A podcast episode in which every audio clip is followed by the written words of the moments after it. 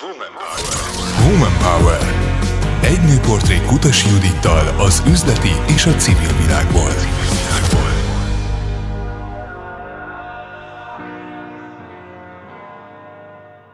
Hogyan inspirálhatják egymást a vezetők, illetve hogyan támogathatják egymást az üzletéletben a vezetőnők, és persze a férfiakat se rekesszük ki ebből, mert sokszor férfiak és nők együtt tudnak valami jót alkotni, erről is beszélgetünk ma. Vendégem a stúdióban Porkoláb Gyöngyi, a Womanext Egyesület elnöke, a Womanext üzleti klub vezetője. Gyöngyi, örülök, hogy itt vagy. Köszönöm a meghívást, én is szeretettel köszöntök minden hallgatót, vagy azt, aki, azokat, akik követnek bennünket. Azt olvastam rólad, hogy több mint húsz éve fogalmazódott meg benned először az a gondolat, hogy sokat lehetne és kellene is tenni, hogy a vállalkozó nőket helyzetbe lehessen hozni. Miért volt, vagy miért fontos számodra, hogy egy ilyen nőket segítő vállalkozó közösséget létrehozzál?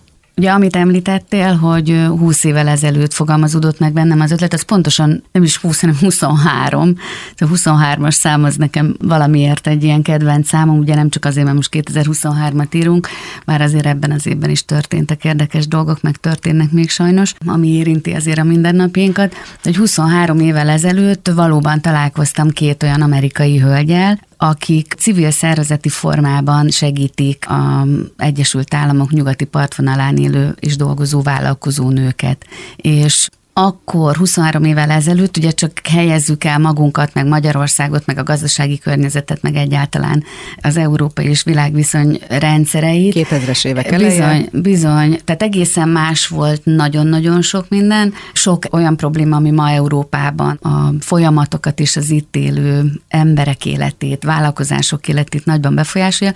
Szóval nagyon nehéz visszamenni, de hát gyakorlatilag az már egy gyermeknek a felnőtti válásának a kora. Szóval én akkor találkoztam találkoztam velük, itt voltak Magyarországon, meghívtuk őket egy közös gondolkodásra, és Debrecenben, illetve Budapesten szerveztünk, ha jól emlékszem, olyan 18-20 vállalkozó hölgynek egy képzést, és hát ez egy újszerű dolog volt akkor egyáltalán ilyen workshop formájában képzést szervezni. Nagyon nehéz volt összeszedni ezeket a hölgyeket, hogy akkor kiminősült vállalkozónak, kiminősült volt-e olyan egyáltalán, hogy női vállalkozó vagy családi vállalkozás. Effektív nem volt ilyen adatbázis, tehát arra emlékszem, hogy nehéz volt összeszedegetni egyáltalán a résztvevőket. És most, amikor megfogalmazódott nyilván annak az ötlete, hogy egy üzleti klubot indítsunk el Debrecenben, látva azt a gazdasági fejlődést, ami most ott zajlik. A fejlődést mindenféle tekintetben értem, tehát, hogy egy olyan folyamat zajlik, ami kapcsán a meglévő vállalkozásoknak is muszáj változtatniuk, vagy adaptálódniuk, illetve hát az ideérkező vállalkozások vezetői, női vezetői is keresik valahogy a helyüket, meg a kapcsolódásokat. Tehát, ha jól értem, akkor igen egy nagyon nagy gap volt, a, a nulláról kellett Így építkezni. Van. Most viszont ugye már van sok hasonló szervezet létrejött az elmúlt 20-23 évben,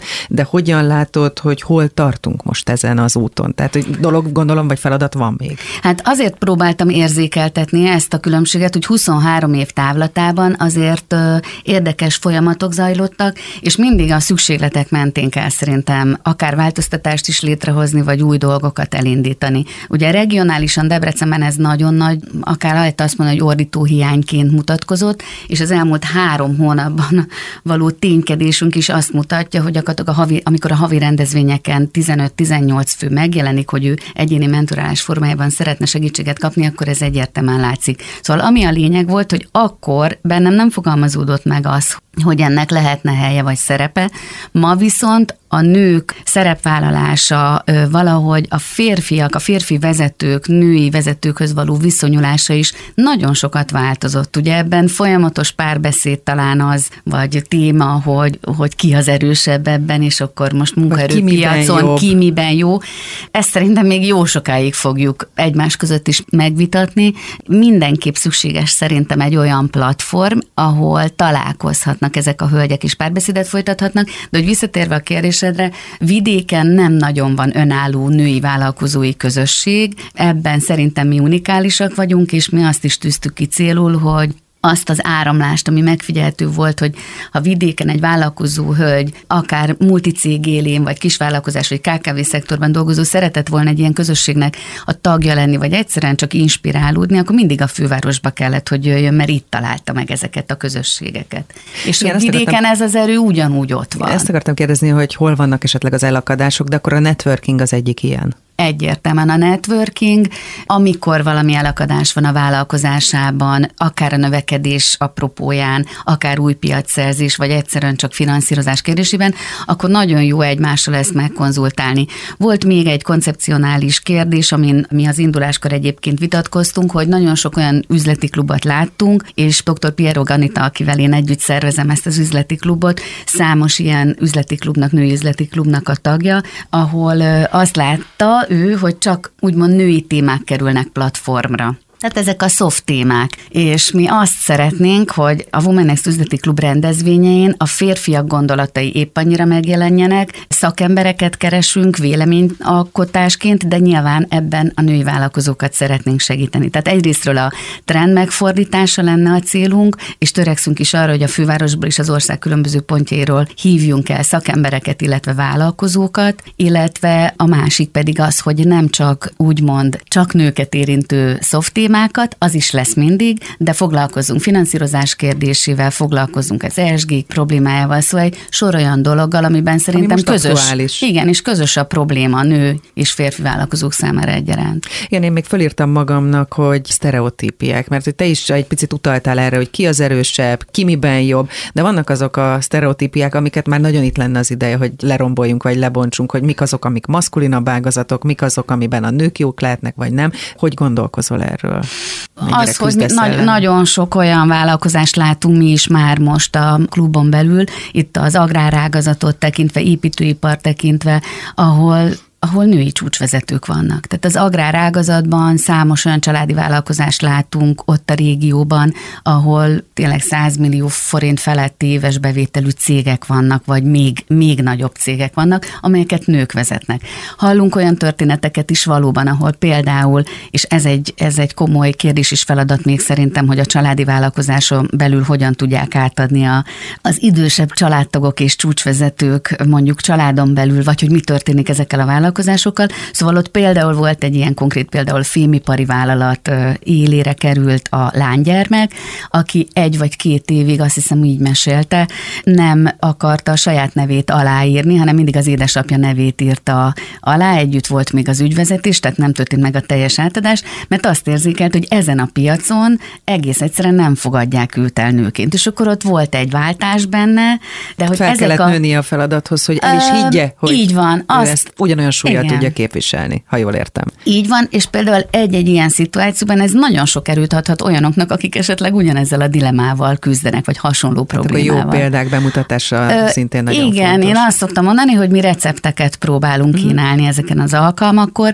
és az, hogy ki hogyan fűszerezi tovább, mit visz haza belőle, az rajta múlik, és akkor abban mindenki főzhet tovább. De talán ez lenne a cél, hogy, hogy lássunk különböző olyan történeteket, minden ember mögött szerintem van egy olyan történet, történet, amely izgalmas lehet. Akkor beszéljünk egyébként a te történetedről is, hogyha már ezt felvetetted, ugye viszonylag kisebb környezetből, tehát vidékről, Igen. Nyíregyházáról indultál, külkereskedelmi főiskola, és biztos, hogy neked is voltak, vagy legalábbis, ahogy olvastam, voltak olyan pillanatok vagy pontok, amikor elbizonytalanodtál, és utána felépítetted magad. Ez mennyire volt tudatos ez az építkezés, míg eljutottál oda, ahol most vagy? Mm.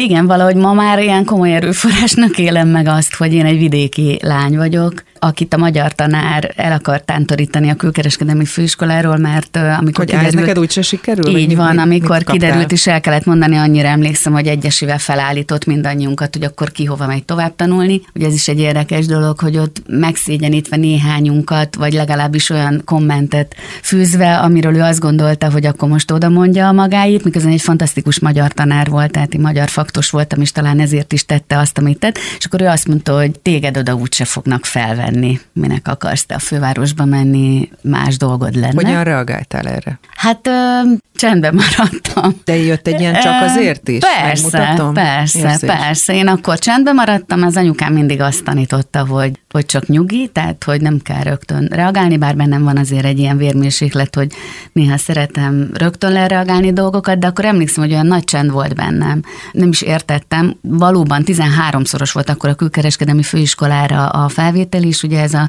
88-ról beszélünk, amíg pont egy évvel a rendszerváltozás előtt egészen más világ volt. Ugye itt a csoportársaim aztán olyanok lettek, akik külföldön a szüleik külképviseleti munkája során voltak kint, és úgy beszélték a nyelveket, hogy folyékonyan. De téged is a nyelvek érdekeltek. A nyelvek érdekeltek, igen. Angol, német, ah, francia és olasz most már. Ami, igen, igen és tulajdonképpen engem is a német tanárom motivált abban, hogy a nyelvekkel lehet valamit kezdeni. Ma már talán ez alapvetés, de megint azt mondom, hogy jó néhány évtizeddel ezelőtt azért ez nem volt mindig így, és akkor valóban volt bennem egy ilyen, hogy csak azért is, és ezzel lökött tovább. Aztán ez valahogy felhajtó erőként talán a mai napig ott van, hogy tényleg, ha, ha becsuknának, vagy becsuknak előttem egy ablakot, akkor mindig találok vagy egy másik ablakot, vagy egy ajtót, mert ez mindenkiben nagyon egyéni. Igen, ez a, ez a csak azért is egyébként a döntések meghozatalában, tehát a későbbi érvényesülésben is segített? Ezt úgy azért nem, magaddal, nem vagy? minden áron, tehát az uh-huh. ember életébe kell, hogy legyen egyfajta tudatosság, de az, hogy az intuitív énünk erre hallgassunk néha, az is nagyon, nagyon fontos. Tehát, hogy én tudom, hogy, hogy mit szeretnék, ott van a cél, érzem, hogy meg is tudom fogalmazni, és én abban elindulok, és valaki mondjuk beszól egy ilyet, akkor tényleg azt mondom, hogy csak azért is. De nagyon sokszor azért mérlegelem, és meghallgatom azokat, akik, akik valamilyen véleménye vannak, és nem tudom, én, én szeretem pozitívan látni sokszor a dolgokat, és egyéb más munkáimból adódóan is azért azt látom, hogy a veszteségből lehet sokszor a legjobban építkezni. Igen, és azt is olvastam rólad, hogy sokszor haladtál az árral, és az ár ellen is. Itt mire gondoltál? Például arra, amikor, amikor 25 évvel ezelőtt egy nőkből álló egyesületet indítottunk el, pont azzal a célral, hogy kulturális vagy egyéb társadalmi folyamatokra felhívjuk a figyelmet, és rengeteg kezdeményezés láttatja ma már magát, ami intézményesült formában ott van, és akkor bizony sokan mondták, hogy ez hülyesség, ennek nincs semmi létjogosultsága, és akkor tényleg azt éreztem, hogy valamiféle árral megyünk szembe. És ez a bizonyos 23 évvel ezelőtti két két amerikai vállalkozó hölgyel való találkozás is ilyen volt. És az bizonyította az élet, hogy érdemes volt ezt ápolni, ezt a kapcsolatot. Ők a mai napig működnek, tehát milyen érdekes az élet, hogy most meg kapok választ arra, hogy néha érdemes ilyen türelmesen türelmetlenkedni. Tehát én kivártam azt, amikor jött az a lehetőség, hogy akkor ebbe úgy vágjunk bele, hogy tényleg legyen létjogosultsága is, és ne csak azért csináljuk, mert láttunk valami jó dolgot. És hogy egy visszatekintünk még, akkor azért tegyük ki azt is az asztalra, hogy közösségeket, fesztiválokat és brendeket szerveztél, építettél. Mit élveztél ezekben a feladatokban, vagy ez mit adott neked? Egy vállalkozást én is elkezdtem építgetni, amiben nyilván az a fajta, én úgy szoktam mondani, hogy egyfajta kulturális mediátori szerep az, amit én, én látok, illetve produkciós vezetőként dolgozom, különböző kulturális produkciókat hozok létre, vagy hozunk létre közösen a művészekkel, aztán képzéseket szervezünk, és ennek kapcsán nyilván az adott piac szükségleteit elégítjük ki. Amit leginkább élvez ebben az ember, az lehet, hogy a, a teremtés, vagy az, hogy létrehozni valamit, amivel tudsz szolgálni, vagy adni valamit a piacnak. És ez tényleg így van, ha egy színházi produkciót hozunk létre, akkor ez legyen olyan, amivel én tudok adni a közönségnek, a nézőknek, az embereknek, hogy elgondolkodjanak, és a mindennapjaikban ezt tovább vigyék. Ha egy képzést csinálunk, mondjuk a amit nagyon, nagyon szeretünk, és az egyik a legkeresettebb képzés, ez a, ez a veszteség alapú motivációs képzésünk, amelyet itt a COVID időszakában pedagógusoknak, oktatási intézményvezetőknek is tudtunk szerencsés módon nyújtani, illetve hát a vállalkozó szférában is szerintem ez egy nagyon komoly erőforrás lehet, hogy az ott dolgozók motivációját hogyan találják meg, és ilyenkor mi mindig egy kicsit lemegyünk mélyre. Igen, mennyire keresed a kihívásokat? Nem keresem a kívásokat, szembe jönnek velem. Igen, talán pont Polcelem mondta, hogy, hogy a célt az nem keresnünk kell, hanem szembe jön velünk, vagy valami ilyesmi volt. Tehát, hogy én azt látom, hogyha az ember önazonos, és megtalálja azt, hogy mit szeret csinálni, miben jó, arra szükség van a valóban a piacon, meg még abból tud-e vállalkozást építeni, akkor előbb-utóbb és nyitott, meg kellően alkalmazkodó, tehát különösen most ezen a piacon kellően reziliens, akkor ez biztos, hogy előbb-utóbb jön szembe vele az, amire szüksége van, csak azt ott, ott meg, kell, meg kell látni. Igen, és mondtad, hogy mindenki mögött ott van egy történet, és hogy elindultunk, hogy akkor a te történeted milyen vagy, honnan jöttél, hogyan építkeztél, hogyha sikereid vannak, vagy hogyha kudarcot élsz meg, akkor azt hogyan kezeled? Van egy aranyszabály nálam, hogyha bármi siker van, akkor azt a csapattal szó szerint megünnepeljük, tehát elmegyünk vagy közösen enni, vagy kimozdulunk. A jutalmazás az és meg kell van. állni, ha jól Így értem. Van. Ez azt meg, is jelenti. De meg kell állni, és észre kell venni, hogy ez most sikerült. Pontosan. Igen. Akár megveregetni a saját vagy a társai vállát, igen. a csapat vállát az embernek, és a kudarcok. Meg hát értékelni is szól, és hogy abban benne van, benne van egy ilyen kettős dolog, hogy tényleg mindig utána érdemes azt mondani, hogy mi volt jó, és mi, mi mentén változtassunk. A kudarcok pedig szerintem nagyon fontosak. Én azt, azt gondolom, hogy sokszor többet adnak, mint a sikerek az ember életéhez. A sikert sem könnyű megélni. Tehát ha valami jól sikerül, hogy akkor magasra tesszük a mércét, és akkor tényleg akarok-e még több lenni, még jobb, vagy pedig értékelem, és ez egy vállalkozásnál is látszik, hogy a piacon van-e ebben több. Ha pedig valami nem sikerül, vagy olyan, olyan kudarcként éli meg az ember, abból sokkal-sokkal többet lehet tanulni és abba a tükörbe szerintem mindenkinek érdemes belenézni. Még nem, a fáj is néha. Pontosan nem könnyű, és mondom kivetítve vállalkozásokra, hogyha valami nagyobb veszeség éri, akkor is ott van mindig valami újnak a lehetősége. Ja, most itt ezt a, de lehet, hogy akkor az üzleti klubról később beszélgettünk, de nagyon érdekes már azokkal a vendégeinkkel, akik a, az első Women Next Akadémián részt vettek beszélgetni, hogy a Covid időszaka nagyon-nagyon sok vállalkozásnak olyan új utat mutatott, tehát a bezárások kapcsán egész egyszerűen át tudták formálni akár a portfóliójukat, sokkal célzottabban tudják kiszolgálni a piaci igényeket, és ezek is rendkívül jó receptek most. Tehát most 2023-ban ülünk itt, de a mögöttünk Már lévő, a vége felé. Bizony, a vége felé, és hogy és hogy az elmúlt három évben annyi minden történt, hogy ha most leülne valaki és végig gondolná, akkor talán el se hitte volna 2020 elején, hogy ő képes lesz ilyen változásokat meglépni. Hát egy biztos, hogy a pandémia az arra megtanított, hogy a tükörbe bele kell nézni, hogy újra kell tervezni, és hát ugye folyamatosan halljuk, hogy egy állandóan változó gazdasági környezetben, egy digitalizálódó, folyamatosan mm. fejlődő piacon kell a vállalkozásoknak megállni a helyüket, tehát hogy itt nem lehet megállni, hanem folyamatosan változni változni kell. Fejlődni. Fejlődni. Lehet, hogy fe, fej, igen, fejlődni, hogy, hogy megtalálja mindenki azt a képességet, hogy, hogy igenis a, mondom, ez az alkalmazkodás, tehát ez a reziliencia egy új fogalom lett, ezt megint öt évvel ezelőtt nem használtuk. Ma ugye ez azt jelenti, hogy hogyan tudunk egy tehetetlen helyzetbe, vagy amikor nem tudjuk befolyásolni a folyamatokat, ahhoz is alkalmazkodni, úgyhogy ne egy ilyen kiszolgáltatott helyzetben érezze magát az ember, vagy tehetetlen helyzetben, hanem ott lépni kell. Kell tudni alkalmazkodni, mert ez nem önmagában egy adaptálási vagy adaptálódási képesség. És hát ugye a kreativitás az megint ott van, ami olyan értelemben is fontos, hogy most itt a mesterséges intelligencia az teljesen átalakítja a munkaerőpiacot, teljesen átalakítja azokat a szektorokat, ahol például humán foglalkoztatás van, a szolgáltatások mikéntjét, szóval annyi mindenben kell egy kicsit ezt a kreatív gondolkodást amit tanítanak vezetőknek is, és vállalati struktúrában is alkalmazzák, hogy az segíthet. Szerintem folytassuk innen, mert te is említetted, hogy nagyon sok esettel találkoztok a klub, illetve az egyesület kapcsán, tehát beszéljünk erről részletesebben is, egy kis szünetet tartunk, majd innen folytatjuk a beszélgetést Porkoláb Gyöngyivel, a Womanext Egyesület elnökével, a Womanext üzleti klub vezetőjével. Woman Power. Egy nőportrék Kutasi Judittal.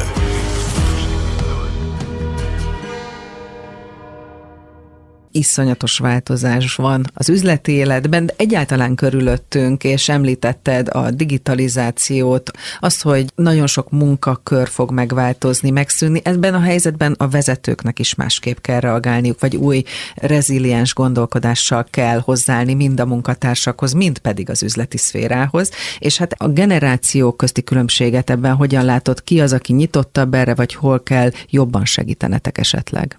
Az első részében ennek a beszélgetésnek ugye felüleltünk 23 évet, ami alatt hihetetlen nagy változás történt. Ma egy 23 éves fiatal egyetemista, vagy aki már esetleg egy diplomával a kezében szeretne egy vállalkozást kezdeni, egészen más megközelítéssel van.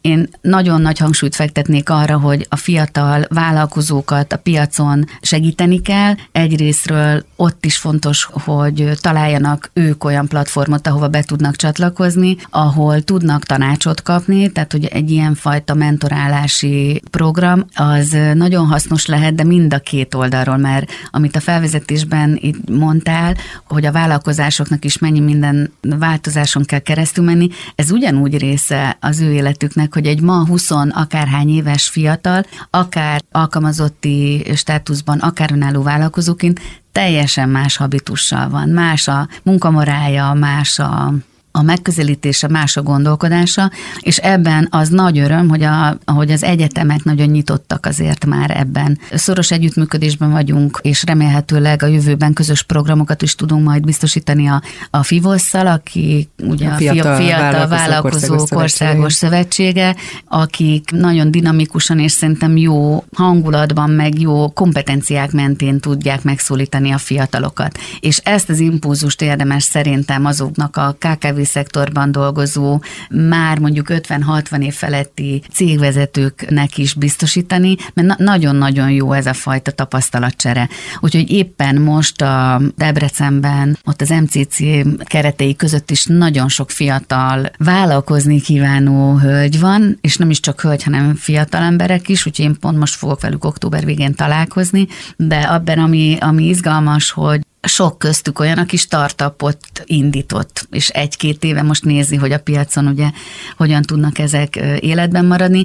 Amit változott a világ, az nagy részben például a különböző applikációk fejlesztése, tehát amikor azt mondtam, hogy egész máshogy gondolkodnak, akkor az azt is jelenti, hogy akár az egészségügy ágazatában, vagy az oktatásban ma már nem feltétlen ezek a papíralapú dolgok működnek, és hogy nagy segítség például az, hogy ők hogyan gondolkodnak ebben, tehát úgy is mondom, hogy mint hogy hogyha egy ilyen kicsit ilyen társadalmi innovációs megközelítéssel lehetne vállalkozásokat, szolgáltatásokat a piacra vinni, segítve természetesen a nagyobb termelési folyamatokat, vagy olyan vállalkozási folyamatokat. Egyébként, ha megengeded, visszakérdeznék, mert hogy említetted, hogy más a fiatal generációnak a munkamorája, a hozzáállása, hogy ez alatt mit értettél, vagy mit látsz, akár pozitív, akár negatív Persze. értelemben. Hát, hogy ez pozitívum vagy negatívum, ez egy másik dolog, de az biztos, hogy kevésbé lojálisak. Tehát vagy mai fiatal az nem fog 25-30 évig ott ülni ugyanazon a munkahelyen, mert hát, jaj, hát elviselem, jó ez így. Ő abban a pillanatban nem érzi jól magát,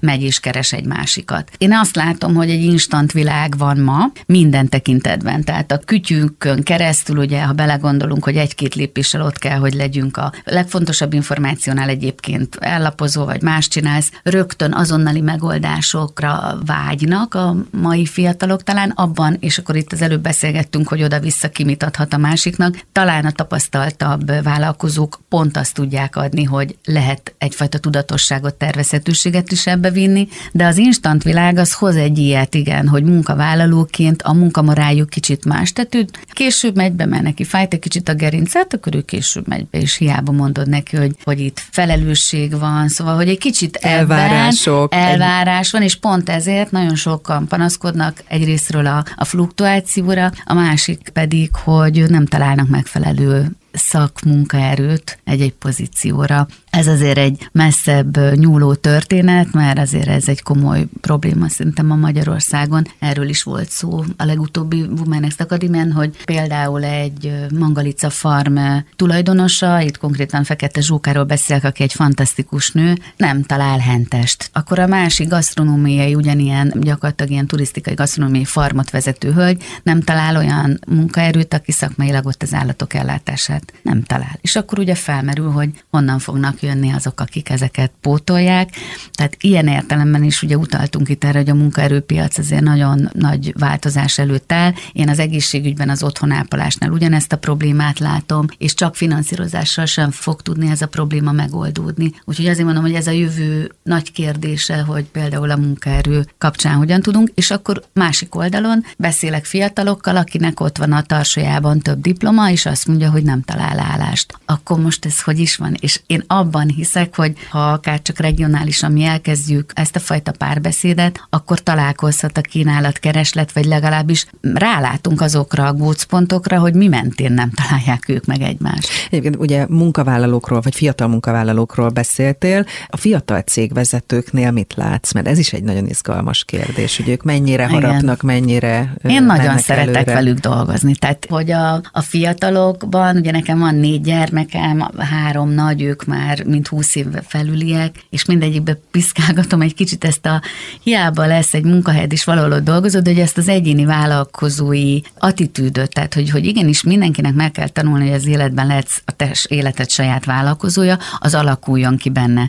És szerencsés módon honlapfejlesztésnél egy csomó olyan munkánál én fiatal vállalkozó vagy cégvezetőkkel dolgozom együtt, és én nagyon szeretem azt a gondolkodást, hogy ők ilyen instant módon, vagy rögtön reagálva, vagy rögtön neked szegezik a kérdés, nem fog udvariaskodni, hogy ezt komolyan gondolod, hogy így lehet, vagy nem tetted fel azt a kérdést magadnak, hogy ha valaki rámegy az oldaladra, de ez csak egy konkrét példa. Velük együtt dolgozni ugyanakkor meg nagyon sok innovatív megközelítést hozhat, és arra, amit mondok, hogy amennyire egy kicsit elkényelmesedettnek látjuk, vagy nem annyira lojálisnak rögtön a, a fiatal munkavállalókat a piacon, éppen annyira meg nagyon hatékony hatékonyan is tudnak pont az innovatív gondolkodásuk miatt ilyen impulzusokat adni. Visszatérve az üzleti klubra, mennyire zárt közösség ez, hogy kiket vártok, vagy kik lehetnek tagjai?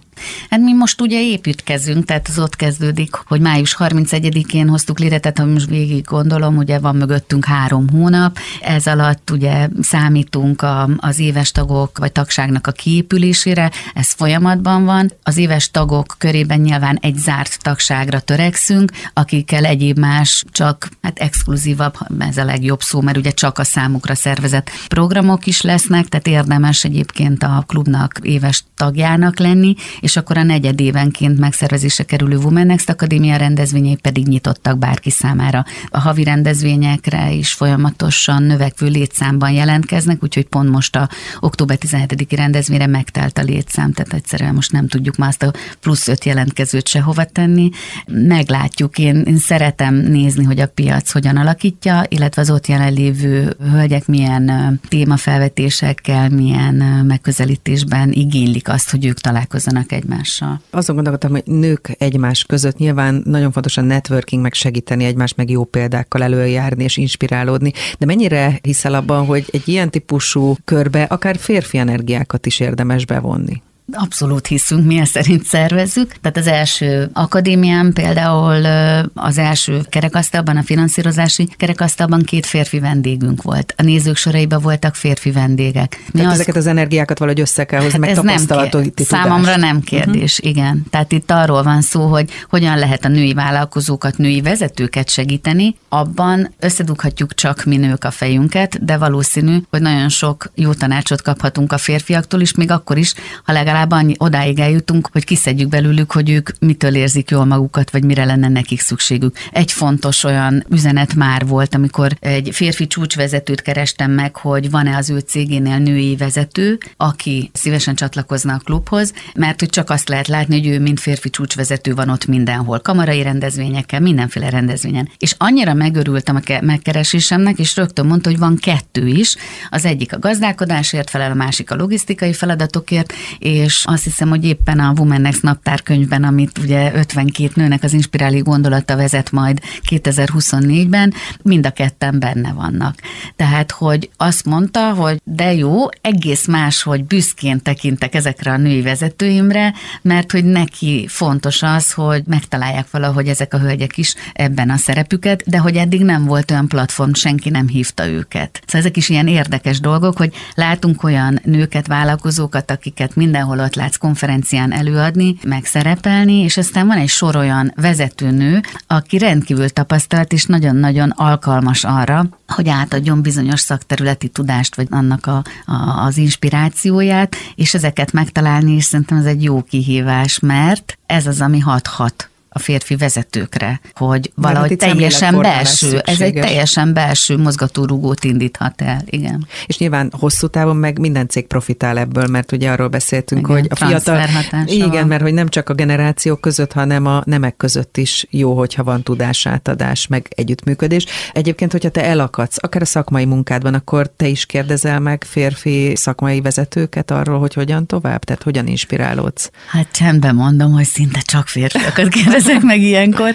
Nem van mindig egy, azt hiszem egy-kettő olyan hölgyvállalkozó vagy szakember, akit megkérdezek, de most, hogy így rákérdeztél, az az igazság, hogy nekem nagyon, nagyon sokat számít, hogy a, az a férfi agy az mit mond, és hát valóban néha direktebb módon szembesít azzal, hogy milyen ponton ne ragadjak le és menjek tovább. Beszéljünk arról is, hogy a vállalkozások esetében nem csak a profit termelés, vagy a profit maximalizálás lehet a cél, hanem az értékteremtése egyaránt. Ebben milyen tevékenységet látsz magad előtt, vagy feladatot? Ezt fogalmaztuk meg a, a Women Next üzleti klubnál. Hogy nem lehet megállni hogy, csak az üzleti hogy céloknál. A, pontosan, hogy az értékteremtés az, ami a valódi profit és ennek mentén szerveződnek vállalkozások, és mikor például erről beszélgettünk, akkor azért az ott ülők nagy része mindenki bólogatott, és azt nem tudom, hogy azért, mert többnyire ugye női vállalkozók voltak ott abban a kerekasztalban, de, de hogy az értékteremtés, ez pontosan ez a társadalmi innovációs megközelítése ma egyre inkább fontos lehet. Ha nincs érték alapja egy vállalkozásnak, akkor,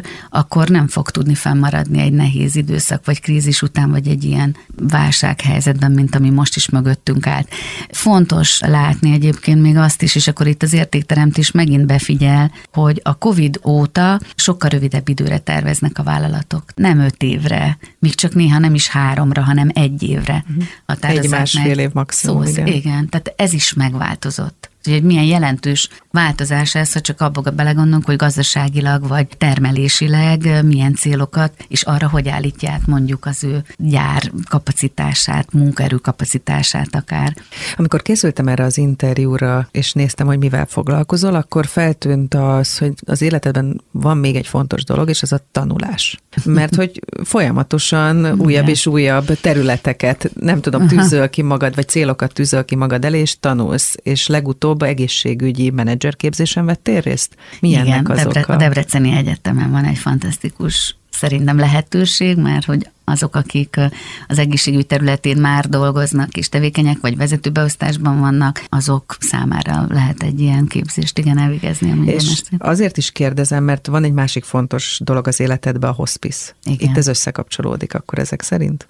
Számomra igen, mert én közel húsz éve foglalkozom ezzel a területtel. Egy nagyon értékes, szerintem olyan társadalmi szemléletformáló programot építettünk föl a fővárosiakkal együtt ott Debrecenben, aminek ma is transferhatása van több családban. Ugye itt gyakorlatilag százezeres már az elmúlt időszakban a, azon családoknak a száma, akiket meg lehetett az a kapcsolatban szólítani, hogy az életvégi emberi méltóság miért is fontos, és hogy a gondoskodás, a nevelés az mindenki számára adott, és ott van úgyhogy ez egy nagyon széles körű együttműködés volt, szó szerint a vállalkozó szférák, a szakmai ágazatok, a helyi önkormányzat, az egyetemi vezetés részvételével is, így ma valóban egy hatodik éve most már egy 20 ágyas hospice palliatív részleg van a Debreceni Egyetem klinikai központjában. Ez azért az embernek a szemléletét, ez a fajta munka nagyon áthangolja, és itt lehet látni, hogy az életnek van vége, tehát hogy számolni kell ezzel is, és amikor valaki egy, egy ilyen válsághelyzet helyzetben van, akkor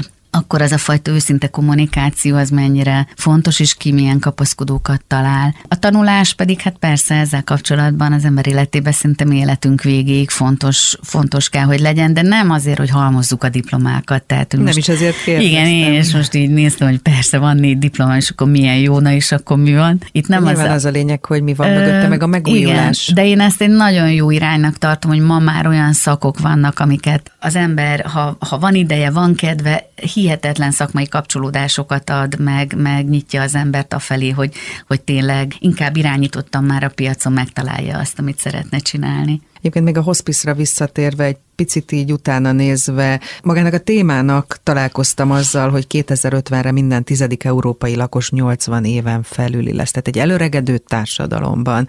Szerintem Igen, nagyon... ez egy 2020-as KSH adat. Nagyon durva szám. És ehhez még kiegészítésként, amit lehet látni, hogy folyamatosan tulódik ki az átlag életkor ami azt jelenti, hogy egyre több ember fog az életének az utolsó harmadában valamiféle segítségre ellátásra szorulni. Ebben a hospice, ugye a végstádiumos daganatos betegek ellátása az csak egy rész, de erre fel kell készülni egy társadalomnak és nem akkor, amikor már baj van, hanem folyamatában. Igen, meg ezen gondolkodtam, hogy nagyon fontos, hogy a társadalom miként viszonyul egyrészt az időseihez, másrészt a gyászhoz, és ebben te nyilván jobban benne vagy, hogy hol tartunk, vagy mit gondolunk igazából erről.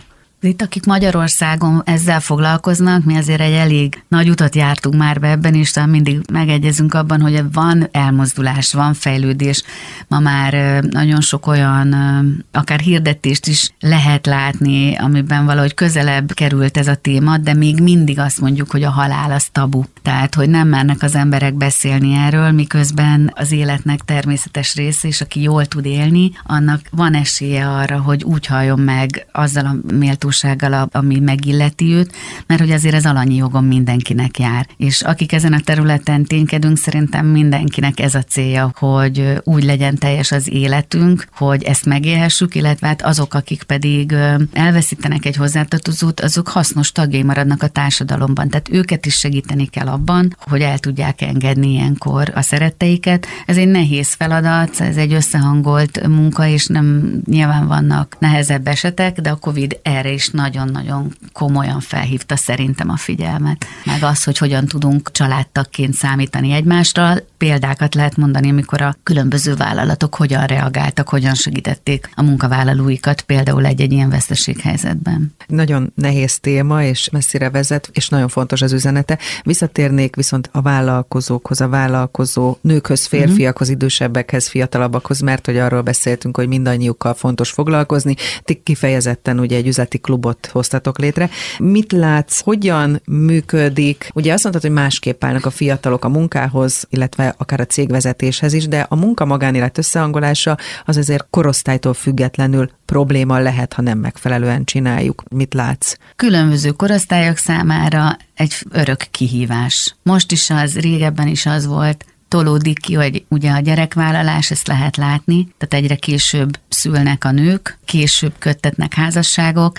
Kihívás. Tehát hát most szerint... itt négy gyerekes édesanyjaként is tudsz erről igen, beszélni. Igen, igen. Nem csak szakemberként. Igen. Hát itt azért megint fontos az, azt gondolom, hogy, hogy megtanítani a gyerekeinknek azt, hogy mindenkinek muszáj a saját lábán is tehát képesnek kell lenni a saját lábán megállni, ami azt jelenti, hogy hogyan lehetsz te a saját életed vállalkozója. Tehát hogyan lehetsz te nem önmagában önazonos, hanem fel kell tudnod ismerni a te saját erősségeidet, gyengeségeidet, látni a piacot, és merni kell néha változtatni, merni kell kockáztatni.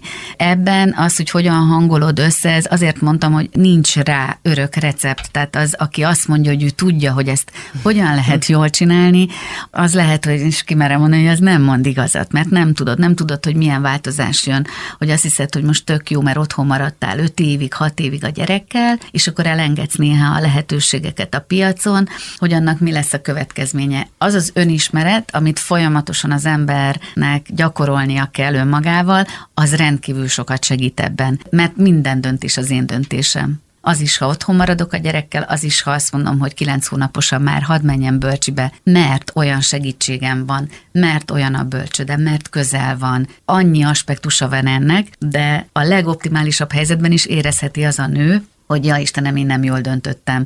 Vagy meghallom, mert a szomszéd beszól nekem, hogy na és akkor ki van a gyerekkel. Vagy a családon belül valaki. Tehát ott, hogyha te egyenesbe vagy önmagaddal, és tudod, hogy mit miért csinálsz, és az úgy oké, akkor sokkal könnyebb például kezelni ezeket a társadalmi elvárásokat, meg az ilyen, jaj, akkor most mit is csinálok jól, ha visszamegyek, vagy nem megyek, vagy elmegyek külföldre dolgozni, mert kaptam egy olyan lehetőséget. Ez is adott ma már a nők számára, és akkor mit csinálsz a gyerekem, akkor most azt mondják, hogy Istenem, nem az anya van vele. Tehát, hogy ennek megvannak, megvannak mindig az egyéni útjai és kihívásai. Tehát, hogy ebben mind ott van. De... És hát a saját döntéseinket nekünk magunknak kell meghozni. Azt mondtad, hogy már a cégek egy-másfél évre terveznek. Maximum nézzük azt, hogy mit tervezel te, mit tervez a Womanext a következő, akkor belátható időre, vagy hosszabb távra. Igen, vannak számok is a fejünkben, meg vannak minőségi célok.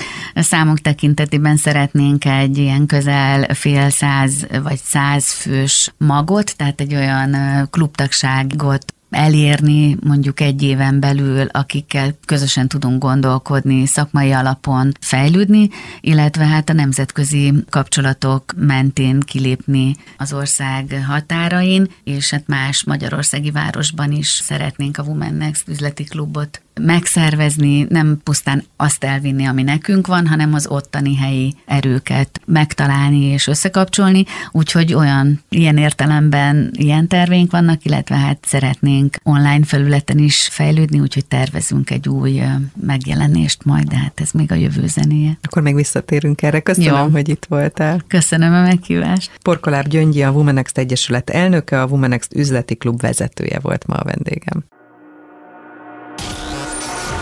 Woman Power. Egy nőportré Kutasi Judittal az üzleti és a civil világból. Az első magyar podcast portré sorozat különleges nőkről, férfiaknak is. Rádiós megjelenés. Hétfő egy nő a Trend fm az FM 94.2. Woman Power.